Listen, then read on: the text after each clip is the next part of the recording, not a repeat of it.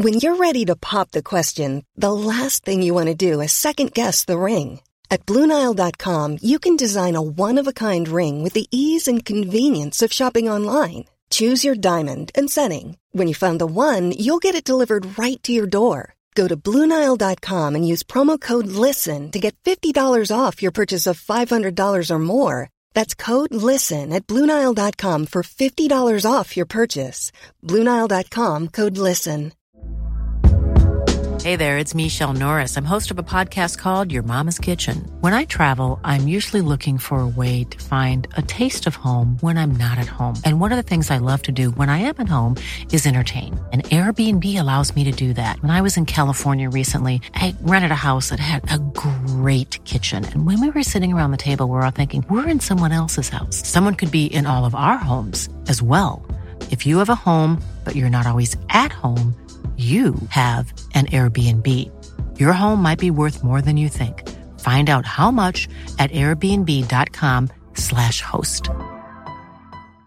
Hey, Dave. Yeah, Randy. Since we founded Bombus, we've always said our socks, underwear, and t shirts are super soft. Any new ideas? Maybe sublimely soft. Or disgustingly cozy? Wait, what? I got it. Bombus. Absurdly comfortable essentials for yourself And for those facing homelessness. because one purchased equals one donated. Wow, did we just write an ad?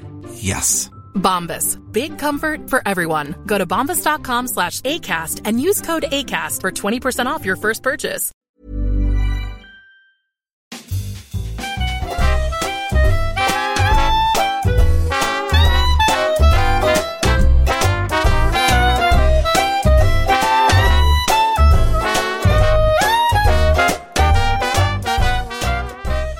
Varmt välkomna till ett nytt avsnitt av Fotbollsskalan topp 5. Och det här är ett avsnitt som ska bli riktigt roligt att hugga tänderna i. Vi har en gäst med oss, en god vän till mig och en bekanting som jag inte missminner mig till dig också, Leo. Så är det. Och det är ju Jeppe, Jesper Husfeldt. Guten Tag! Tack, stort att få vara här. Det var ett tag sedan man sprang runt i de här TV4-lokalerna. Ja. Men jag har kittat upp en fin studio här. Så... Så fin vet jag inte om den är. Ja, men den ser nog jäkligt fin ut i bild. Det är, det är ju sån här klassisk green screen. Ja, ja. Så man kan sitta var man vill i världen. Exakt så. Exakt så. Vårt lilla gröna rum som vi alltid refererat till tidigare. För det, det är väldigt mysigt här, tycker vi ändå. Jag funderade på det här på väg in hit. Nu har ju du och jag träffats några gånger. Ja. Så hann väl jobba något mästerskap tillsammans här när jag kom. EM. Ja, sista EM där. Ja. 2021 va? Mm. Ja, men jag bara tänkte på att jag är ju så här, jag älskar all fotboll, men jag är ju väldigt mycket uppväxt som Serie A-vurmare. Som Jag Serie A. hör det också. Fantastiskt. Lyssnade på ert avsnitt med Nima där. Ja. Jäklar vad du hade en förkärlek för de här mittbackarna där. Ja, men det är, jag, är- jag, så sent som i morse skrev jag en tweet om Dario Dainelli. Så det är ju liksom, jag älskar ju verkligen Serie A. Ja. Men, men då tänkte jag så här att är det, hade jag inte, träff, hade jag inte liksom känt dig sedan tidigare så hade jag undrat om det här hade varit liksom, den här poddens starstruck moment. För du är ändå en Serie A-ciceron ju. Alltså, man... man Ja, jag har ju levt väldigt länge med italiensk fotboll i alla fall. ja. Men eh, jag hör ju när du går in i historien här att du har ju gjort din läxa. Eh, Jag har ju varit där liksom i ögonblicket från 1999 när vi fick rättigheterna första gången. Och jobbat med italiensk fotboll. Det var jättesnällt sagt av dig Leo, men, och jobbat med den här ligan i, i ja, över 20 år och mycket på plats. Så det är klart, lite har man fått med sig, men historiken där var du stark alltså. Jag hörde det. Så... Ja, men det, jag bara säger att jag satt ju hemma i mina tonår och lyssnade mycket på när Ja. jag kommenterade Serie A. Så det är så här, ja, Kul. det här är cirkelslutning på något sätt. Ja, roligt. Ja. Fantastiskt ju. Fantastisk liga. Ja. Och den ska vi bita i den här gången, eller hur? Ja, men verkligen. Och det är ju lite, vi, vi sa det innan rec här, det, det är ju lite diffust hur man egentligen ska kategorisera in den här listan. Berätta Leo. Ja, men vi ska ju eh, ranka de liksom, fem bästa, största trekvartisti i, i, i Serie A's historia. Så. Och det är ju alltid lurigt när man tar ett historiskt grepp. Så. Det kan ju vara liksom, vad som är, eh, sitter på min eh, näthinna, kanske inte gör det på din och så vidare. Och vad som du lägger vikt i och så. Men framförallt det här att vi ska definiera. Vi ska nog börja med att definiera vad en trekvartista är. Exakt. Ändå. Ja. Vad, jag släpper nästan över till dig där Jesper. Vad är en trekvartista för Ja, precis. Eh, innan jag kom hit då fick jag uppdraget att ranka de fem bästa trekvartisti. Men vi var också inne på att det är ju klassiska tior vi pratar om. Eller playmakers. Eller som de säger i Italien, fantasisti. Det är kanske fantasisti vi talar om här. För en del fantasisti har inte spelat i tröja nummer 10. Och en trequartista skulle jag säga, det är en roll på planen. En trekvartsspelare som spelar egentligen mellan mittcirkeln och offensivt straffområde som en länkspelare. Och den perfekta trekvartisten enligt mig skulle jag säga, det är spelaren som hittar den näst sista passningen, den sista passningen, kan skjuta eller driva. Och du vet aldrig vilket val han ska ta. Och han ska spela i en central roll, han ska inte komma in från vänster eller höger. Och det finns några av de här spelarna rent historiskt sett som man har vurmat för mycket i italiensk fotboll. Och den mest perfekta har jag på min andra plats. Jag kommer till den snart. Kul. Och det är en inhemsk spelare. Och det kommer ytterligare en inhemsk spelare som jag tror är liksom förlagan till honom. Just det. Men det tog väldigt, väldigt lång tid för mig att hitta femman. De första fyra gick ganska fort. Ettan var lätt, tvåan var hur lätt som helst. Trean och fyran fick man liksom börja så här klia sig lite. Gjorde lite ont att ta ut dem också, tyckte jag. De var lite för bra för min smak, båda två. Finns, finns det, när jag tänker på trekvartista, du satte det väldigt bra där också, den här trekvartsspelare. För det är ju det det betyder egentligen, ju, trekvartista. Alltså, Helst två forwards framför trekvartsspelaren. verkligen. verkligen. Men det finns något nästan så här romantiskt skimmer över den här rollen också. Ja. Att, visst är det nästan, inte, kanske inte ett krav, men nästan en preferens för att vara en ordentlig trekvartista. Att det ska finnas någon liksom, nästan mytbildning kring den här spelaren. Liksom. Vi har några helgon på de första positionerna på min lista. Två stycken som inte ens kategoriseras som människor i sina städer. Eh, mytbildningen om tröja nummer 10 såklart. Spelaren som vinner matcher åt laget, som även är stor nog att kunna assistera de stora målskyttarna. Brukar ofta kunna bära en hel stad på sina axlar. Så det är mycket i den här rollen. Jag tror att tröja nummer 10, trekvartistan, är som allra störst i Italien, Brasilien, Argentina. Jag skulle vilja säga Italien och Argentina kanske allra främst. Eh, av alla länder i hela världen. Ja, det skriver jag un- under på. De har ju liksom...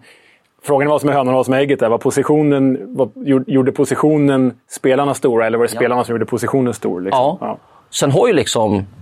Du har ju en mytbildning runt spelare, stora spelare i Spanien också. Men där har det blivit lite flytande, liksom, vem som är den stora spelaren. Jag menar, om du plockar spelare rent historiskt, om det är Hugo Sanchez eller Raúl, så hade de kanske andra egenskaper och blev stora målskyttar som skulle bära sin stad på sina axlar. Men de har nog varit mer kära, tror jag, i spansk fotboll av sina stora målskyttar Ja, verkligen. än, än italienarna. Och ni har redan rankat mittbackarna som är de allra största. Men sen kommer ju trekvartisti eller fantasisti. Exakt. Fantastiskt att bara lyssna på det här. Jag lutar mig tillbaka och bara låter det ta, ta ton. Eh, Men vi ska ju ta oss an era listor och som vanligt får ju gästen börja med nummer fem. Så hoppar vi över till Leo och så går vi fram och tillbaka helt enkelt. Men jag skulle vilja säga så här, för jag satt och smyglyssnade på avsnittet med Nima. Får man börja plocka ut de här först, som inte får vara med på den här listan? Självklart. Vi kan, vi kan köra en bubblare. Kör bubblare, absolut. Ja. För har vi nu har vi ett helt gäng otroliga fotbollsspelare. Och det här var roligast av allt. Att plocka ut de som inte får med på listan. För då kan ni börja tänka så här, aha, han har sparat de här. Ja, just det. Är ni med? Ja, det är vi. Helt Och då, och då har jag plockat ut först en massa utländska spelare som antingen spelat för kort tid i Italien, alltså gjort för litet avtryck i italienska ligan, eller inte har räckt till riktigt. Och då har vi ju spelare på 90-talet som Hadji, Stoichkov, tidigare Francesco, Francescoli, Boniek, Sokrates, kanske inte riktigt tia, men han är där och, och Fiorentina. Jajamän.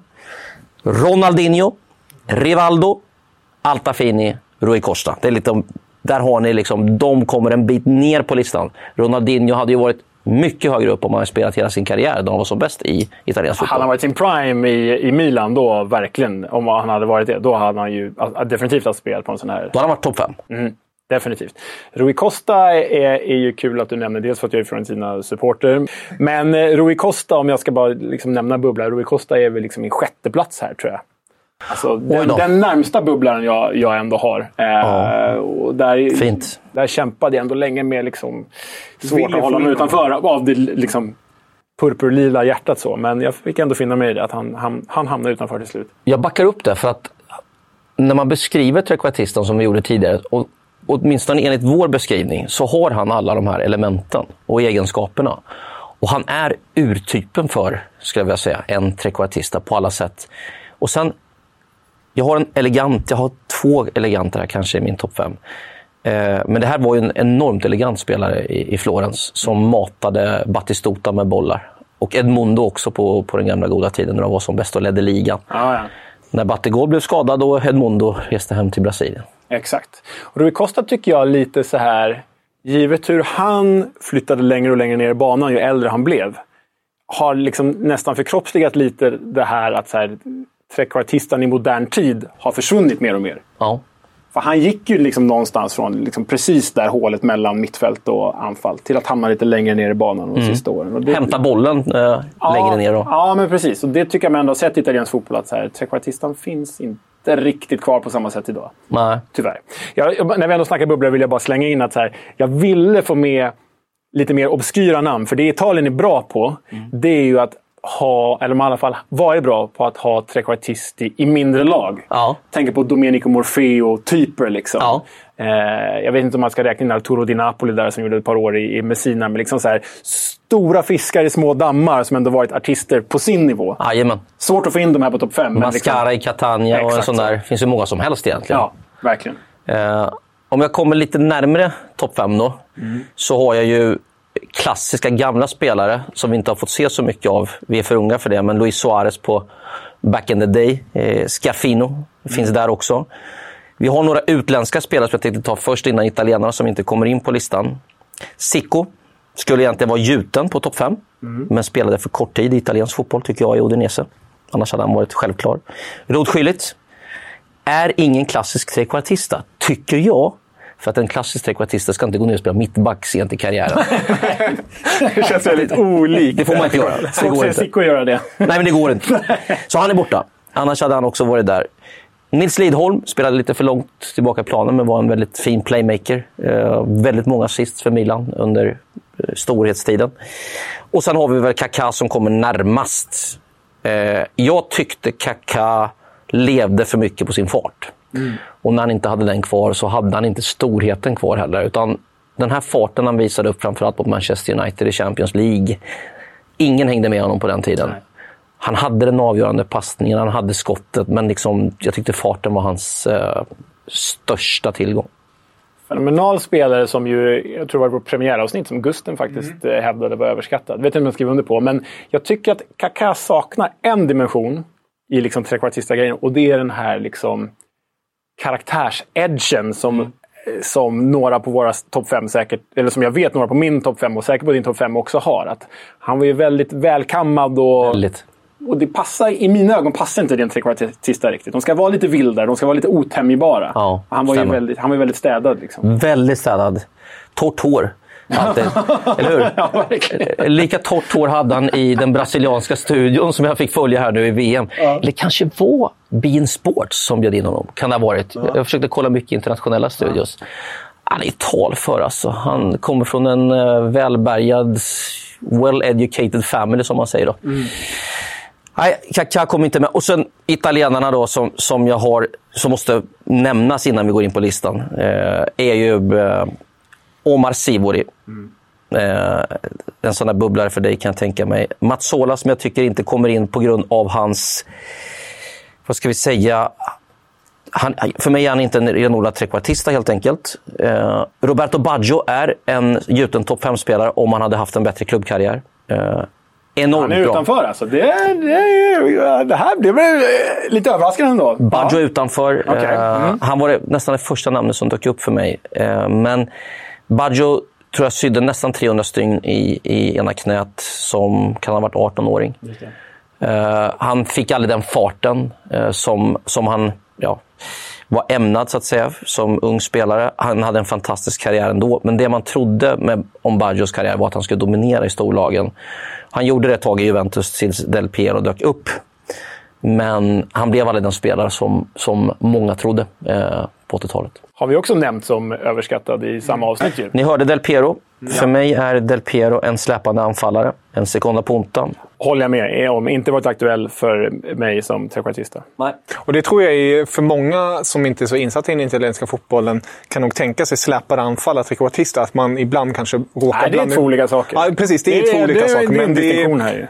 Det är en släpande anfallare. Precis, exakt. Och det, jag tänker bara, det, det är någonting jag tror att de som inte är så insatta kanske tänker sig är i princip samma sak. Men det är ju, precis som du är inne på, Han ska det är spela ett anfallspar egentligen, med en Exakt. klassisk nia. Och sen så ska han söka någon roll som högerfotad lite från vänster insida. Precis. Eh, och sen så har ni ju spelare då som, som Piola och Miazza som måste nämnas, som jag inte tycker är trekvartister heller. Eh, renodlade målskyttar, men också under karriären kan spela på många positioner. Och så den sista av alla som kunde blivit topp två här kanske. Andrea Pirlo, men som Ancelotti valde att flytta ner i planen. Och Som, det hjälpte ju hans karriär ju. ja, som regista. Han var väl för trög för att spela tia. Ja. Eh, Men där lite har vi ett gäng rappare. Innan vi är igång. Riktigt fin, eh, fin icke-lista, så, som sagt. Bara det, bara det är ju en topp fem-lista. Eh, topp fem spelare som Lippi inte lyckades få ut, få ut någonting av. Ja. Typ Pirlo och den typen av spelare. Pirlo och Cedorf är väl där. Verkligen. Ja. Och sen var det så här, när, när ni kontaktade mig, att jag hade ju mycket tid på mig att sätta ihop den här listan. Men först ville jag skjuta upp eh, avsnittet. Och sen har det varit så mycket med, med renovering hemma, en liten son, ett heltidsjobb och så lite andra projekt som jag håller på med. Så att jag har liksom inte kunnat förbereda mig som jag har gjort till mina stora matcher. Eh, så därför så litar jag mycket på Leo idag, att han hjälper mig med de här eh, historiska eh, Jag, jag tycker du har lyckats väldigt bra på den här genomgången. liksom, känns väldigt förberedd måste jag säga. Jag har i alla fall skrivit ner namnen har jag gjort eh, innan vi är inne på, på topp fem. Men i bilen hit så bestämde jag mig för femman. Ja, och vem, vem är det? Vem, vem... Är det jag som är först? Det är du som är först. Ja. Som är först. Okej, Cool fact a crocodile can't stick out its tongue. Also, you can get health insurance for a month or just under a year in some states. United Healthcare short term insurance plans, underwritten by Golden Rule Insurance Company, offer flexible, budget friendly coverage for you. Learn more at uh1.com. Wow! Nice. Yeah. What you're hearing are the sounds of people everywhere putting on Bombas socks, underwear, and t-shirts made from absurdly soft materials that feel like plush clouds. Yeah, that plush. And the best part? For every item you purchase, Bombas donates another to someone facing homelessness. Bombas. Big comfort for everyone. Go to bombas.com slash ACAST and use code ACAST for 20% off your first purchase. That's bombas.com slash ACAST. Code ACAST. There's never been a faster or easier way to start your weight loss journey than with PlushCare. PlushCare accepts most insurance plans and gives you online access to board-certified physicians who can prescribe FDA-approved weight loss medications like Wigovi and Zepbound for those who qualify. Take charge of your health and speak with a board-certified physician about a weight loss plan that's right for you. Get started today at plushcare.com slash weight loss. That's plushcare.com slash weight loss. plushcare.com slash weight loss. vem är urtypen för en nummer 10 trekvartista i italiensk fotboll? Vem har elegansen? Vem kan bära upp en hel stad, en hel klubb och färgerna där i under två decennier? För mig blev det till slut Gianni Rivera, Milan. 60 och 70-talets stora golden boy i italiensk fotboll. Eh, Rivera var elegant. Han eh, vann dessutom eh, både Europacupen och, och Guldbollen, så var 1969. Eh, och eh, har eh, liksom förkroppsligat det Milan står för, tycker jag. Eh, en Milan-spelare ska vara som Janne Rivera är. Så han, han blev liksom lite av föregångaren till många av de här trekvartister som jag sett sedan dess. Så det är min femma. Ja, och här, jag är ju förstås alldeles för ung för att ha upplevt honom själv, men det man förstått så här mycket, mycket elegant. Alltså, som du är inne på, det förkropp, förkroppsliga det här. Liksom. Den första som kanske, kanske förkroppsligar det Milan vi känner idag. Så oerhört elegant, stilig, matchvinnare i ett. Liksom. Mm. Och så eh, där har man också, med honom har man ju den här mytolo mytologiseringen också. Att han kanske inte alls den här liksom lika, vad ska vi säga, stökig är fel ord, men inte den typ av aura som några andra har, kommer ha på den här listan. Men liksom Nej. mer en trekvartista i Milan-form. En Milan-paketerad trekvartista. Liksom. En tidig Kaká på så vis. Ja, verkligen så. Ehm, ja, men den, den är ju faktiskt med på min bubbla. Han är med på min bubblalista också. Ja. tar inte plats. Men här får man ju liksom bara backa och säga att ja, Gianni Rivera är ett väldigt, väldigt rimligt namn. Jag antar ändå att bland de här namnen som vi har rört oss i tidigare så kanske vi hittar någon femma för Leo. Ja, eh, just min femma har vi inte nämnt. Nej, wow! Oj då. Och här är... Eh, du, du, du, har ju tryckt på att det är viktigt att man gör avtryck under längre tid. Mm. Och nog för att den här spelaren har varit en lång tid i Serie A, men han har egentligen bara gjort ordentligt avtryck i en klubb. Även om jag älskade honom i mitt Fiorentina. Fast där var han lite missförstådd och fick inte ut det bästa av sig. Nej. Men jag ville verkligen ha med en spelare i modern tid. Ja. På den här listan. I och med att trekvartistan är liksom ut, en utdöende position i ja. Så ska se om ni tar det här. Men Gazzetta dello Sport kallade den här spelaren en gång för en ballerina i en boxares kropp. Ja, ja, ja för fasen. Det här känner jag ju igen. Herregud.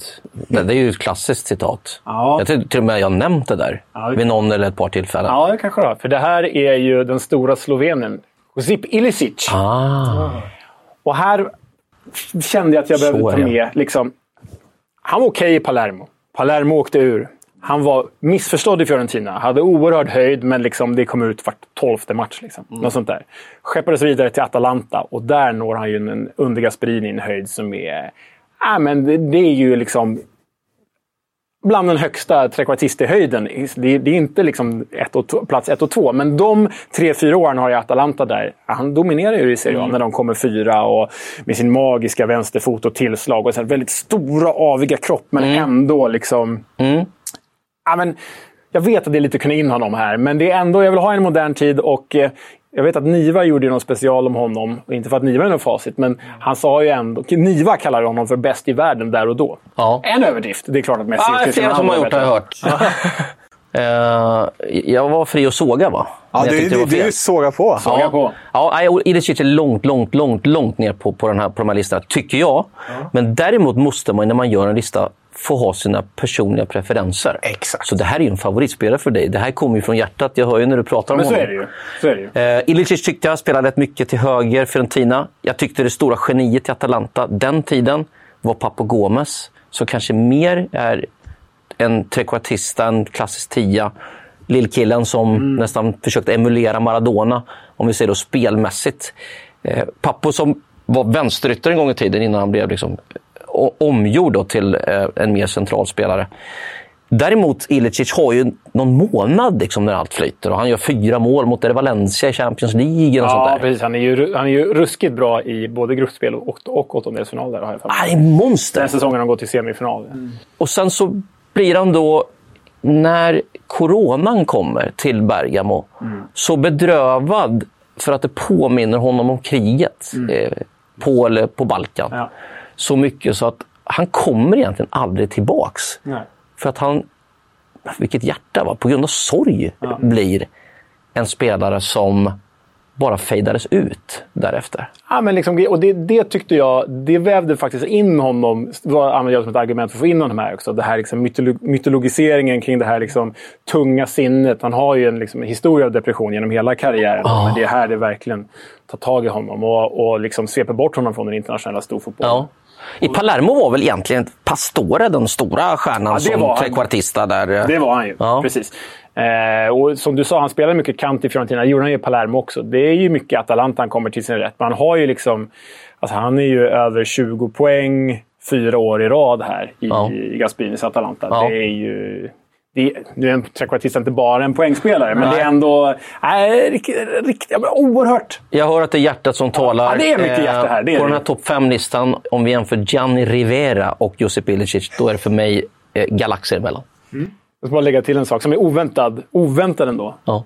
Ilicic. Tionde flest assister i Serie A's historia. Wow! Eller hur? Ja, ja, ja. Den är bra. Det tror man inte. Den är bra. Senast... Enorm vänsterfot. Enorm vänsterfot. Alltså en doja. Du vet, han kunde ju dra till från 32 meter ja. och så sitter en ribba in. Men jag tyckte han hade det här du vet, oväntade. Vad gör han nu? Kommer han passa? Kommer han skjuta? Ja. Kommer han tappa bollen? Liksom. Man visste inte. Avig. Ja, senast jag såg så spelade han i, i Maribor i Slovenien. Såg ganska överviktig ut. Men alltså om du och jag hade spelat Atalanta, då hade ju du varit Ilicic och jag hade ju varit Papagomus. Så är det. Eller hur? Eller hur? Ja, vilken duo, vilken duo. Ja. Ja, fina femmer, minst sagt. Eh, Två helt olika, det gillar vi. Du är så PK, Kevin. Ja, men, just när vi, nu kliver vi, som eh, ni lyssnare vet, vi, vi kliver in i ett territorium där jag inte är 100% hemma. men jag... Vad heter trekvartista på tyska? Eh, Raumdeuter.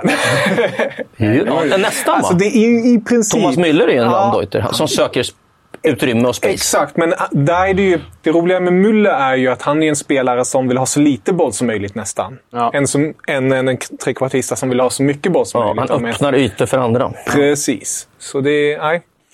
Det finns inte så mycket Raumdeuter. Nej, Nej, nej. med trekvartistas i, i, i Hur säger Tyskland. man trekvartsspelare på tyska? Eh, trekvartsspelare. återkommer. återkommer. Men eh, Jeppe, vem hittar vi på fjärdeplatsen? Mm. Nu kommer det ju två spelare som inte så lite påminner om varandra eh, och som kommer från samma land. Och Då kanske ni börjar lista ut vilka det rör sig om. Därför svider det lite extra att det är två fransmän som har placerat sig i topp fyra. Där Zinedine Zidane 1996 värvades av Luciano Moggi efter att Bordeaux slagit ut Milan i en av Europacuperna. Vigari mig gjorde hattrick i den där matchen och det är klart att stora, starka, rika Milan där med Silvio Berlusconi plockade in tremålsskytten. Och där satt Moggi och fiskade lite grann. Zidane stod för mycket av det där mot, för Bordeaux. Det här geniala som få andra såg på den här tiden. Där det inte var så väl scoutat som det är idag. Och resten är väl historia, skulle man väl kunna säga, när det gäller Zidane. Det blev väl bara fem år i Juventus-tröjan, men det var otroliga år. Det var ett år där de gick in i ett VM-slutspel 1998 på hemmaplan utan någon stor stjärna. Men eh, där Zidane liksom skulle bära det där laget. Var han stor nog för att göra det? Det trodde väl knappt fransmännen, tror jag. Men där skjuter ju karriären fart. Och det är ju någonstans där i slutet på 90-talet som fotbollen blir så här enormt stor, även kommersiellt, globalt. Liksom. Det blir ett helt annat monster i England och i Champions League, ska jag säga, någonstans runt 99-00. Och Italien har svårt att hänga med 6-7 år senare, efter Calciopoli. Men Zinedine Zidane är en sån där som skulle kunna vara etta på den här listan, egentligen. Om det inte hade varit för att vi har tre otroliga spelare framför honom. Eh, han är ju en etta i sin tid, självklart. Ja, men Zidane förekommit ganska mycket i den här podden. Eh, Vi hade ju varit bästa mittfältare i Serie A. Var det, va? Nu är det spoiler alert, men då satte jag väl honom som etta, tror jag. Precis. Ehm, och så hade vi honom någon mer gång. Var det världens bästa spelare genom tiden? Jag hade med honom också, tror jag. Eh, ja, då hade du med honom. Ja, jag tror att han var med fyra eller femma där. Något sånt. Eh, Zidanes storhet är jag ju helt med dig på. Jag hade inte med honom ens i diskussionen här, för jag tyckte att han var lite för mer lite mer tillbakadragen än liksom den renodlade trekvartisten. Så jag, jag, drog, jag drog min gräns där någonstans. Jag tyckte att han Mm. satt lite... Han, var ju, han, han rörde sig ju verkligen mellan ytorna, mellan mittfält och, och, Och Pavel. Nedved var inte elegant nog. Och inte... Nej, nej, men lite, nej, men lite Nej, så. nej. Nej. Men, eh, jag, jag har liksom sett honom mer som en liksom, playmaker-fantasista än en, än en trekvartist. Mm. Så jag har liksom inte ens behandlat honom inför den här. Nej, han spelade väl i tröja nummer fem, var i Real och utgick från vänsterkanten där och lite sådär. Men han smög, han smög in och opererade bakom två anfallare. Ja, det gjorde han ju mycket i Juventus också, såklart. Ja, men fantastiskt. Alltså, vi pratar ju en av Juventus, Serie A's största. Ja, men lite halvläskig va, med Del Piero framför och Ja, Trezeguet. Och det fanns hur många som helst att kasta in från bänken på den där tiden i Juve. Ja. Ravanelli och Inzaghi och company. Ja. Ravanelli får ett omnämnande. Christian Vieri. Ja, en personlig favorit. Ja. Älskar jag. Ja, Sisu är en spelare som man definitivt bara kan ge kortet fritt spelrum helt enkelt. Gör vad Ja. du vill, Ja. i princip. Alla nycklar han. Ja. Vem har nyckeln till plats nummer fyra hos dig då? Nej, men Jeppe har redan avfärdat honom. Eh, Ah. på grund av att han återigen är en spelare som liksom var lite för kort tid. Ja. Men här vill jag utgå från höjd igen. En spelare som jag inte upplevde själv, eftersom jag är för ung. Jag tror jag vet vem det är. Men, Jag såg att du ryckte till när jag sa hans namn. men som jag ändå eh, har sett i efterhand och läst till mig om och förstått. Men den vita Pelé. Zico Ja. har på fjärde Jag plats. såg i dina ögon när jag sa Zico där bort. Det bara ryckte till. Ja. Ja, men liksom Ja, wow. artist. Mm. Trekvartista. Eh, gjorde ju bara två år i Udinese. Så liksom räknar man tid som en avgörande faktor här, då försvinner han ju. Mm. Så. Men det avtrycket han satte i Udine ändå, och i Friulien, bara på de här två åren. Alltså han spelar ju 53 matcher, gör 30 mål. Ganska skadedrabbad andra året i och för sig. Eh, men också den här liksom, mytbildningen kring honom. Att det är tydligen så, det visste jag inte om förrän jag gjorde lite research inför det här avsnittet. Men eh, när Udinese försökte värva honom så protesterade ju andra klubbar för att det var en så stor ekonomisk affär. det här. Det var liksom så här unheard of i Serie A tidigare att man betalar så här mycket pengar för en spelare på den tiden. Så då protesterade ju, ska se så jag läser rätt här, Milan och Juventus protesterade mot de här 4 miljoner dollarna som det handlade om.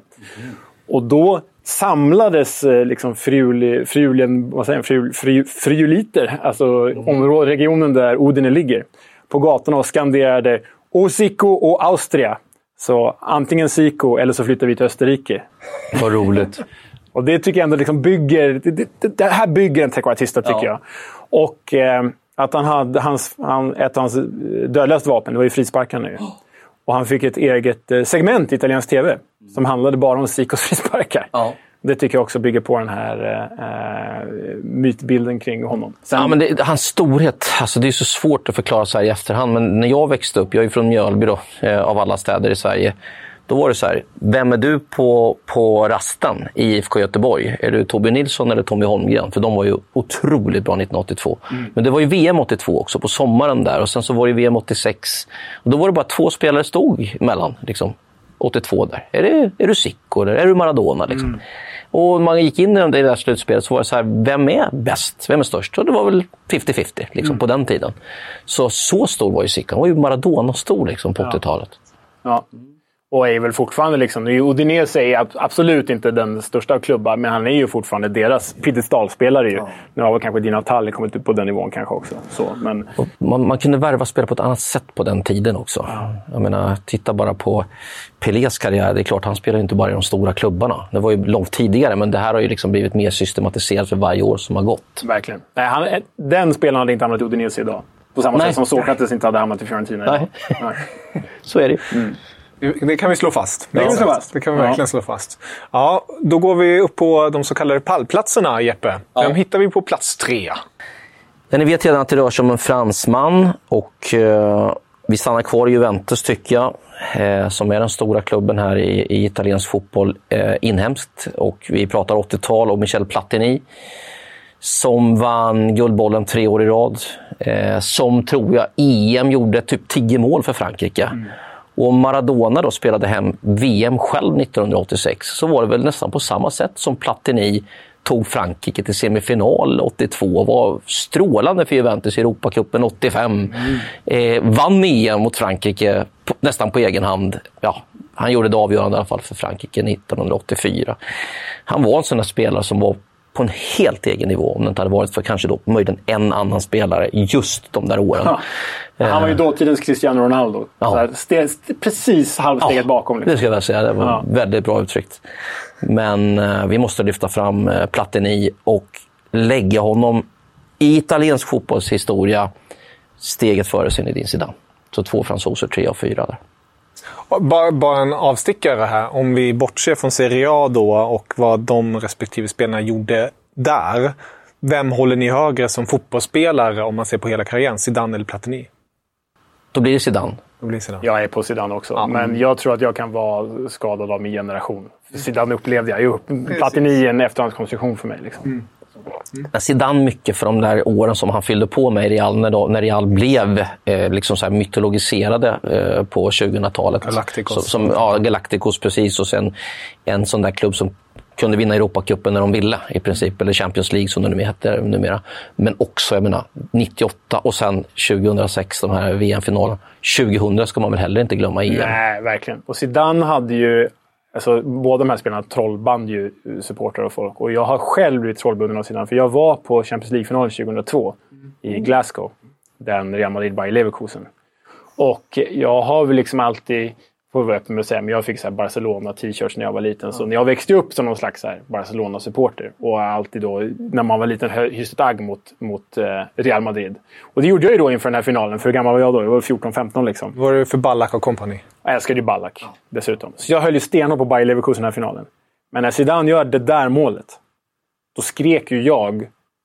Alltså jag skrek ju som hade liksom Bayer Leverkusen-tröja på mig, 15 år gammal, och som jag vrålade. Alltså det kunde Zidane göra med folk. Liksom. Det, det konstiga med honom var att han var en akrobat och en gymnast och en, en spelare som på något vis, på ett avigt sätt, kunde röra sig i fel riktning mot vad du helt, varje gång förväntade dig av honom. Du, han felstegade backar på ett annat sätt som ingen annan har gjort. Nej. Han kunde plocka ner en boll och lägga den utan studs på yttersidan av foten. Alltså den, den dog under hans fot. Det är bara han och Kluivert som Ja, i princip. Ja. Eh, Han la inte ens ner den som andra gör, kanske liksom på tåspetsen, utan han kunde plocka ner den liksom vid sidan av. Han kunde vända helt, åt helt fel håll mot vad, vad som förväntas av kroppen. Jag vet många spelare kan göra det ändå, jag menar Pirlo och Iniesta, men det här var någonting annat. Det, såg, det såg fysiskt omöjligt ut ibland. Ja, ja, verkligen. Och ändå så lätt liksom. Ändå så lätt, precis. Dansade fram. Jag tycker Ja. den här matchen, han har gjort många självfallet eh, fantastiska matcher, men att i den tiden på sin karriär, i slutet på karriären, VM-matchen mot Brasilien tänker jag mycket på. Det finns ju sekvenser därifrån vart, vart han bara svävar fram. Alla vet att det här är hans sista mästerskap, det är hans sista match nu. Och han bara... Han gör vad han vill Nej, mot, nej. mot Brasilien. Det Brasilien också som hade ett urstarkt lag. Det är. Och nu skulle vi prata Platini vi är kvar på Zidane. men, men Zidane var ju också en spelare som passar in i det här som vi pratade om tidigare. Vad ska han hitta på? Nu har han bollen. Okej, Han ser hela planen, som de här tre- bästa trequartister gör. Kommer ett skott? Kommer en passning? Kommer en avgörande passning eller kommer den där, inte avgörande passningen, men den näst sista?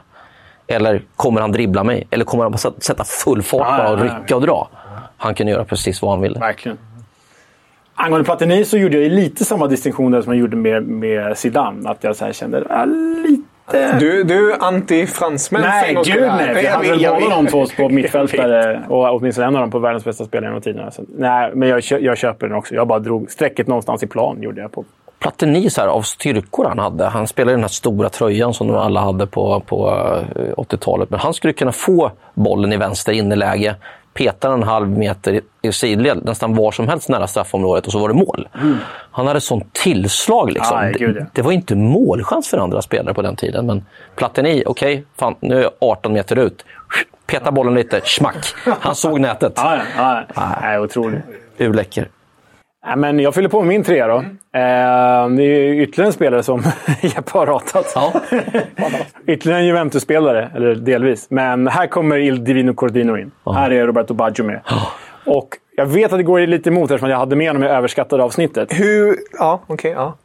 Men det är som Jesper säger, liksom, karriären blev ju, den var ju fantastisk. Men den blev ju inte vad man trodde att den skulle bli. För åren i Milan och åren i Inter är ju inte så bra. Liksom. Han skulle leda det laget Precis. och hamnade för ofta på bänken. Ja, i Inter var ju tredje val på anfallet. Liksom. Ja. Men det, är ju, det kanske säger mer om Lippi än Baggio, å andra sidan. Mm. Men, men som trekvartista tyckte det här var liksom... Eh, man skulle kunna argumentera för att han kanske låg lite snäppet för högt upp i planen. Kanske, kanske lite Ja, för mycket släpande anfallare. Men jag tycker ändå han, han håller trekvartista. Och jag menar, det avtryck han gör i, i Juventus, det trumfar ju nästan i Brescia. Alltså, det, är ju, sanslöst hur bra han är där. Men vem hade ens kunnat spela fotboll med, var det uppemot 300 stygn han hade i ena knät? Typ ingen. Nej. Han spelade ju typ på, vad ska jag säga, så här, halva sin kapacitet en hel karriär. Ja, ja. Och då blir han ju också... Han får ballon... Får han Ballon d'Or där VM? Nej, han får aldrig det va? Men han är väl liksom där VM 94? 94? 93 får han Ballon d'Or. Ja, inte det så? kan stämma. Ja. Jo, Ballon 94 d'Or 93. var Ja. inte sydamerikanerna med i Ballon d'Or. Nej, just det. Men... Det Eh, var ju Brolin 4 och Ravelli topp 10. Va? Något sånt där. nej, men Baggio, fenomenalt geni. Alltså, det finns ju det här målet han gör i Brescia när han får en lång boll från, vem det nu är, en ung Dario Danelli Andrea kanske? Pirlo. Är det Pirlo eller? När han du vet, suger ner den och rundar målvakten i samma rörelse. Pirlos passning. Ja, den är, den är, alltså det målet är... Och sån geni var han ju, Baggio. Det är bara in och youtuba eh, Baggio Goals Brescia, för det här är... Ja, delat flest VM-mål för Italien fortfarande dessutom. Otroligt stor genial. Mål i mer än varannan match för Brescia. För Brescia i Serie A. Och sen är ju liksom Baggio, det är ju Arne Hägerfors. För mig i alla fall. Så han har ju kommenterat typ nästan alla Roberto Baggios matcher i svensk TV. Och Hägerfors säger ju Roberto Baggio Ja. på sitt sätt. Imitation. Och jag tror, du vet, i VM där, när de möter Nigeria, eh, så ska ju han slå en straff i slutet som är så avgörande för deras fortsatta öden i, i VM. Och då säger väl, eh, är det Svennis som säger, normalt sett är Roberto Baggio iskall i de här lägena. Och så springer Baggio fram, klonk, stolpe in, alltså han är så nära att missa så det Ja, finns ja. inte. Och så är det helt knäpptyst. Arne skriker inte, ingenting. Det var liksom ett annat stuk på den tiden, vilket man älskar. Och så säger Svennis efter ett tag, ja det är Baggio. Så ruskigt bra. Ja, det är otroligt bra. Ah, det är otroligt bra. Ja, men eh, Baggio eh, måste vara med. Ja, han måste med. Vem hittar vi på din andra plats, Jeppe? Ettan och tvåan var så otroligt lätt, eh, tycker jag, för mig att, plocka in. Jag tror att vi är överens. Ja, det vore konstigt annars. tror Ja, jag. vi, har, vi har lämnat två spelare som är i italiensk fotbollshistoria som är så enormt stora och som är inte bara ikoner i sina städer utan he- helgon eller vålnader eh, eller så. Eh, är det den riktige som går där borta eller är det liksom bara hans vålnad? Ah. En eh, lever, en är död. Och, eh, en som hade halva staden under hela sin karriär, Francesco Totti. Två gånger tror jag att jag har gråtit på en italiensk fotbollsarena. En gång var timtals när jag var på plats när Totti spelade sin sis- sista match där i Rom. Ja, du var där då alltså? Ja, jag var där. Vi åkte ner ett gäng och det var liksom ett avsked som var... Det var ungefär som... Det kändes som ett gladiatorspel och som att gladiatorn, liksom den största av dem alla, just hade tackat för sig. Ja. Och hade liksom avlidit, omkommit, vad som helst. Han, vi kommer aldrig få se Totti igen. Och det var en sån sorg. Liksom, det var en, hela Stadio Olimpico stod och grät samtidigt. Och han, han gick runt med mikrofon och med sin familj och barnen och liksom tackade hela Olympico. Det var, ja, det var otroligt starkt. Och Totti var ju en spelare som jag tycker på 90-talet kanske då var aningen överskattad. Fram till EM 2000 som skulle bli hans och så hamnade han på bänken och Stefano Fiore av alla, var det Dino Soff som var Ja, förbundskapten? det var Sofia. Ja, spelar Stefano Fiore så, och, och Totti får nöja sig med nummer 20. Liksom. Men det är den vackraste nummer 20 Italien någonsin har haft. Han kändes som en tia på den där tiden. Eh, sen lyfte det liksom för honom när han vinner scudetton 2001. Och, och Totti var ju egentligen ett, ett geni eh, i den där stan som, som egentligen var eh, en spelare som skulle slå den avgörande passningen.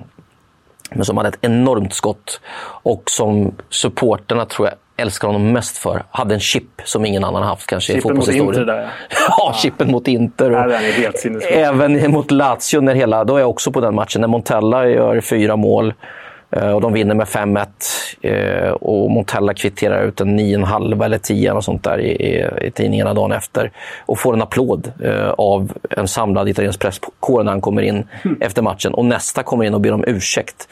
Eh, men ett par hundra journalister applåderar Montella när han kommer in. Men, men då står ju Peruzzi i mål för, för Lazio som är känd som en, om man ska vara lite elak, då, en liten tjockis. Eh, och hela klacken skriker lobba, lobba eller kokiajo, kokiajo, Ja. skeden liksom. Och så slår han den här chippen över och så liksom hela läktaren börjar, alltså Olympico kokar.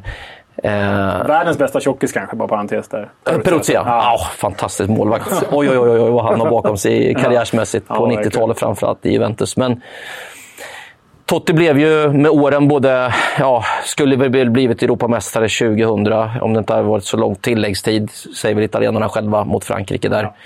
Eh, 2006 eh, blir han då världsmästare, kommer tillbaka mirakulöst från en, från en skada som ingen trodde han skulle återhämta sig ifrån. Spelar inte på sitt max, vann italienska skytteligan i överlägsen stil. Eh, men han hade ju allt det här som en, som en tia ska ha. Han kunde ju vända upp på egen planhalva och, och så ser han liksom inte så snabb ut, nästan lite rultig ibland. Man kan sätta full fart i en löpning på 40-50 meter. Stark som en jävla oxe också. Stark som en oxe, kan hålla bort eh, försvarsspelare. Han spelade under Spalletti i någon konstig roll där han droppade ner från forwardsposition i 4-2-3-1 med Perotta bakom sig. Löpte förbi Perotta, tog emot bollen, spelade ut på en kant till Tadej eller något och sen kom in igen, slog antingen sista passningen eller gjorde det här målet. Han var fullständigt omöjlig att läsa, Totti. Och jag tyckte på 2000-talet, ju mer jag såg honom, att han var en sån där spelare som man här uppe på våra breddgrader avskydde för den här loskan framförallt på Christian Paulsen. Jag tror många älskade att han blev så avskydd här uppe. Ja. För att han hade en diva-stil som man inte tycker om här. Här uppe i Skandinavien ska man vara en grovjobbare, en stenhård Premier League-spelare, spela lervälling eller liksom, här blir man mer älskad om man är Håkan Mild eller Ingesson. Nu blir man ju inte det i landslaget kanske, men, men liksom en Premier League, kämp, här ska det kämpas. Och man ska vara råbarkad. Men Totti var ju allt det där andra. Ja. Liksom elegant och fin. och rolig så inåt helvete. Han kanske inte var den smartaste vid sidan av, men liksom, han drev ju alltid med sig själv. Uh, men så blev han väl också den näst bästa målskytten i italiensk fotbollshistoria. Vilket är helt otroligt. Ja, ja. för en passningsspelare. För en passningsspelare. Och flest assister då i Serie A's historia också. Och googla nu, eller youtuba, hans tio vackraste mål. Jag har inte gjort det på ah, länge. Nej, det är värt det. Vad är det för baljor han... Ah, nej, det, det är bara han och Quagliarella som gör sådana mål. ja, exakt. Nej, ja, sorry det... om det varit eh, lång utläggning. Nej, men det, det, är bara, det, det är bara att skriva under. Här pratar vi om eh, italiensk fotboll, som vi tar italienska fotbollsspelare. Deras största artist genom tiderna. Och det är ju, han är min två också. Det är bara... Så är det. Oh, så tar vi hand. Vad skönt. Tack Leo. Jag känner mig rätt trygg med den här tvåan. Det förstår jag. Ja. ja. Och du får gärna fylla i när det ja, gäller Francesca ettan, Totti. Ettan är ju en som... Eh, min generation egentligen bara fick uppleva ganska tråkiga delar av så. Men som jag är säker på att din generation, vad, kan du, vad, är du? Är du tio år äldre än vad jag är? Jag är 73. Ja, men nästan då. Ja. Ja. Eh, som verkligen fick se storheten av. Men det är ju Diego Armando Maradona. Napolis helgon. Napolis mästare. Napolis ja. elegant. Serie A's briljant liksom. Mm. Det är ju syditaliensk fotbolls... Eh, ja, men man får väl säga guda, gudabilden då. Ja, det blir väl nästan rysningar varje gång man tar det namnet i munnen bara. Ja. Nu när han inte finns kvar hos oss längre. Ja. Diego Armando Maradona. Ja. Uh, och som Arne Hägerfors sa det också på 80-talet. Ja. Diego Armando Maradona. ja, ja, men det, är, det, är, det här vet vi ju. liksom. Ja. Han gjorde ju Napoli. Han gjorde Napoli till den utmanarklubb som de faktiskt var. Jag menar, att göra det med en syditaliensk klubb, jag tror att det är svårt för eh, för oss här uppe i Norden att förstå mm. de barriärerna som finns mellan Nord och Syditalien. Alltså, alltså det, det, är inte bara att det är ekonomiskt eftersatt, utan det finns ju liksom... Nord jobbar ju, jobbar ju mot Syd liksom aktivt ja. på många sätt. Så. Och det lyckades han ändå. Han brukade bryta den barriären. Ja, nord och syd, man säger, norr, norra Italien tar ju in pengar i statskassan och där betalar man skatt. Och syditalienarna garvar väl lite åt norditalienarna och kallar dem för liksom välklädda tyskar i princip. nu sitter ju en tyskare, du förstår precis vad jag menar. De är rekorderliga, de är mm. korrekta, de är välklädda. Ja. Kostymen sitter där den ska. Eh, men i Syditalien, det är en helt annan, vad ska vi säga, eld eller passion ja. Eh, som kommer ut ur den där grytan som hette San Paulo en gång i tiden och ja. som numera heter Stadio Maradona. Nej, det, det går inte att säga mer än... Eller, man kan säga hur mycket som helst, men man kan också säga hur lite som helst, för alla vet ju att det är Maradona. Ja, och det är en väldigt religiös stad, eh, Neapel, eh, där man liksom går till kyrkan på söndagarna och det är fattigt och det påminner mycket om Buenos Aires, där Maradona själv växte upp och Argentina i stort. Han blev ju liksom stadens son när han kom dit. Det var en ganska enkel transfer på så vis. Sen finns det så många eftermälen runt Maradona med maffian där nere som han blev kompis med. Och det kanske var ett måste, så stor som han var, för att klara sig. Men han uttrycker ju liksom i de här dokumentärerna Maradona att han var ju inte en klassisk fotbollsspelare. Han var ju en, han var ju en missbrukare som spelade fotboll. Mm. Och han sitter med tårar i ögonen och berättar om Maradona i tredje person i de här dokumentärerna.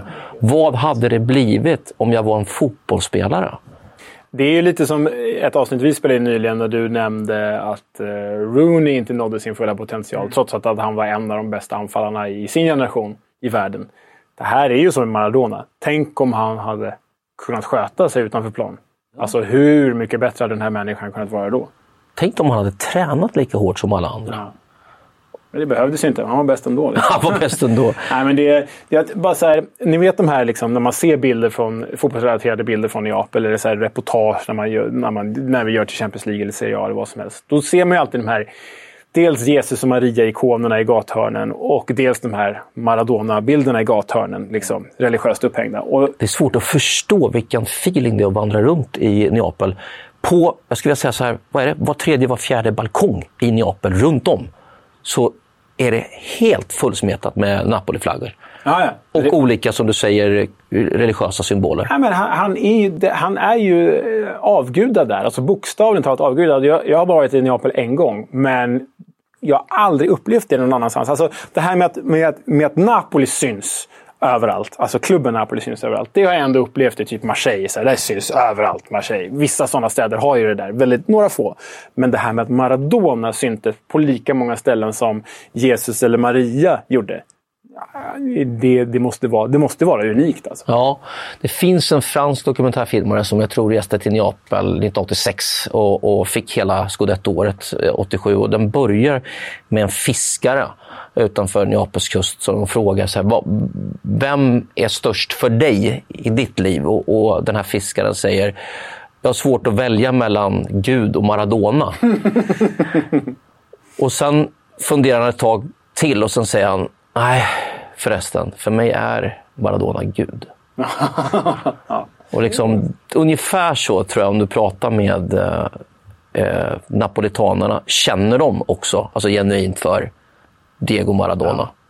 Att han förkroppsligade det som de gick i, till kyrkan för att tro på Ja. på söndagar. Sen är det så här, det finns så mycket citat om Maradona från de här fantastiska dokumentärerna. Var det Kusturica som gjorde också en, en väldigt bra dokumentär om Maradona. Där han också berättar att han kände sig väldigt trygg så fort han kom ut på gräset på San Paulo. Han visste, här kontrollerar jag allt. Ja. Men så fort jag klev av hade jag ingen handbok och jag visste inte vad jag skulle göra. Han var helt oförmögen att ta hand om sig själv vid sidan av. Men så fort han kom in på gräset och tittade, tittade sig runt. Och det hade ju han också tyckte jag. Det som är så häftigt när man pratar om de här största spelarna genom tiderna, vi pratar ju liksom om Messi och, och de här och det finns jämförelser där, var ju att Maradona gick ju in i Napolis omklädningsrum från dag ett med Bruno Giordano, Careca och kompani, liksom Magica, den här trion. Och, och liksom gav hela laget Ciro Ferrara en tro på att vi spelar för scudetton. Och det fanns ingen i staden eller i laget som tänkte så här, nej men det går ju, vi är ett sydlag. Vi har ju inte bara liksom motståndarna mot oss, vi har domarna mot oss också. Och media och allt vad det här innebär. Men match för match för match för match så började liksom laget och staden att tro att det här var möjligt. Han lyckades göra det 1987 och han lyckades göra det 1990, med, två gånger alltså, mot de här storheterna. Och titta på vilka spelare som spelar de andra lagen då.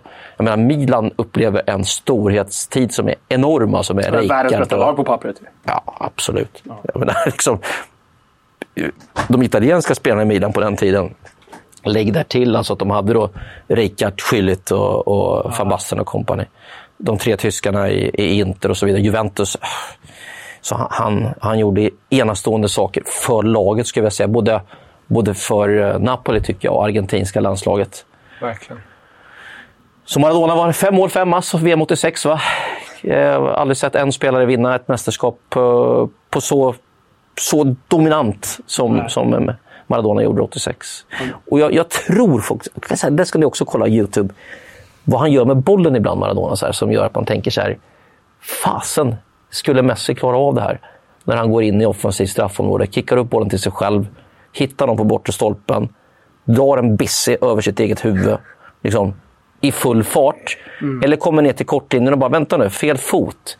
När det gäller att dra ett inlägg med Rabona för att Carneval eller någon dyker upp på bortre. Och så är han fri där. Ja, jag skulle kunna hålla på hur länge som helst. En, en grej med Maradona, nu har ju det nästan blivit slitet nu, med det här, det är att det här som har figurerat nu, som folk har skrivit i tidningar och sociala medier om och om igen, att han behövde dö för att Argentina skulle vinna VM och att Napoli skulle vinna ligan igen.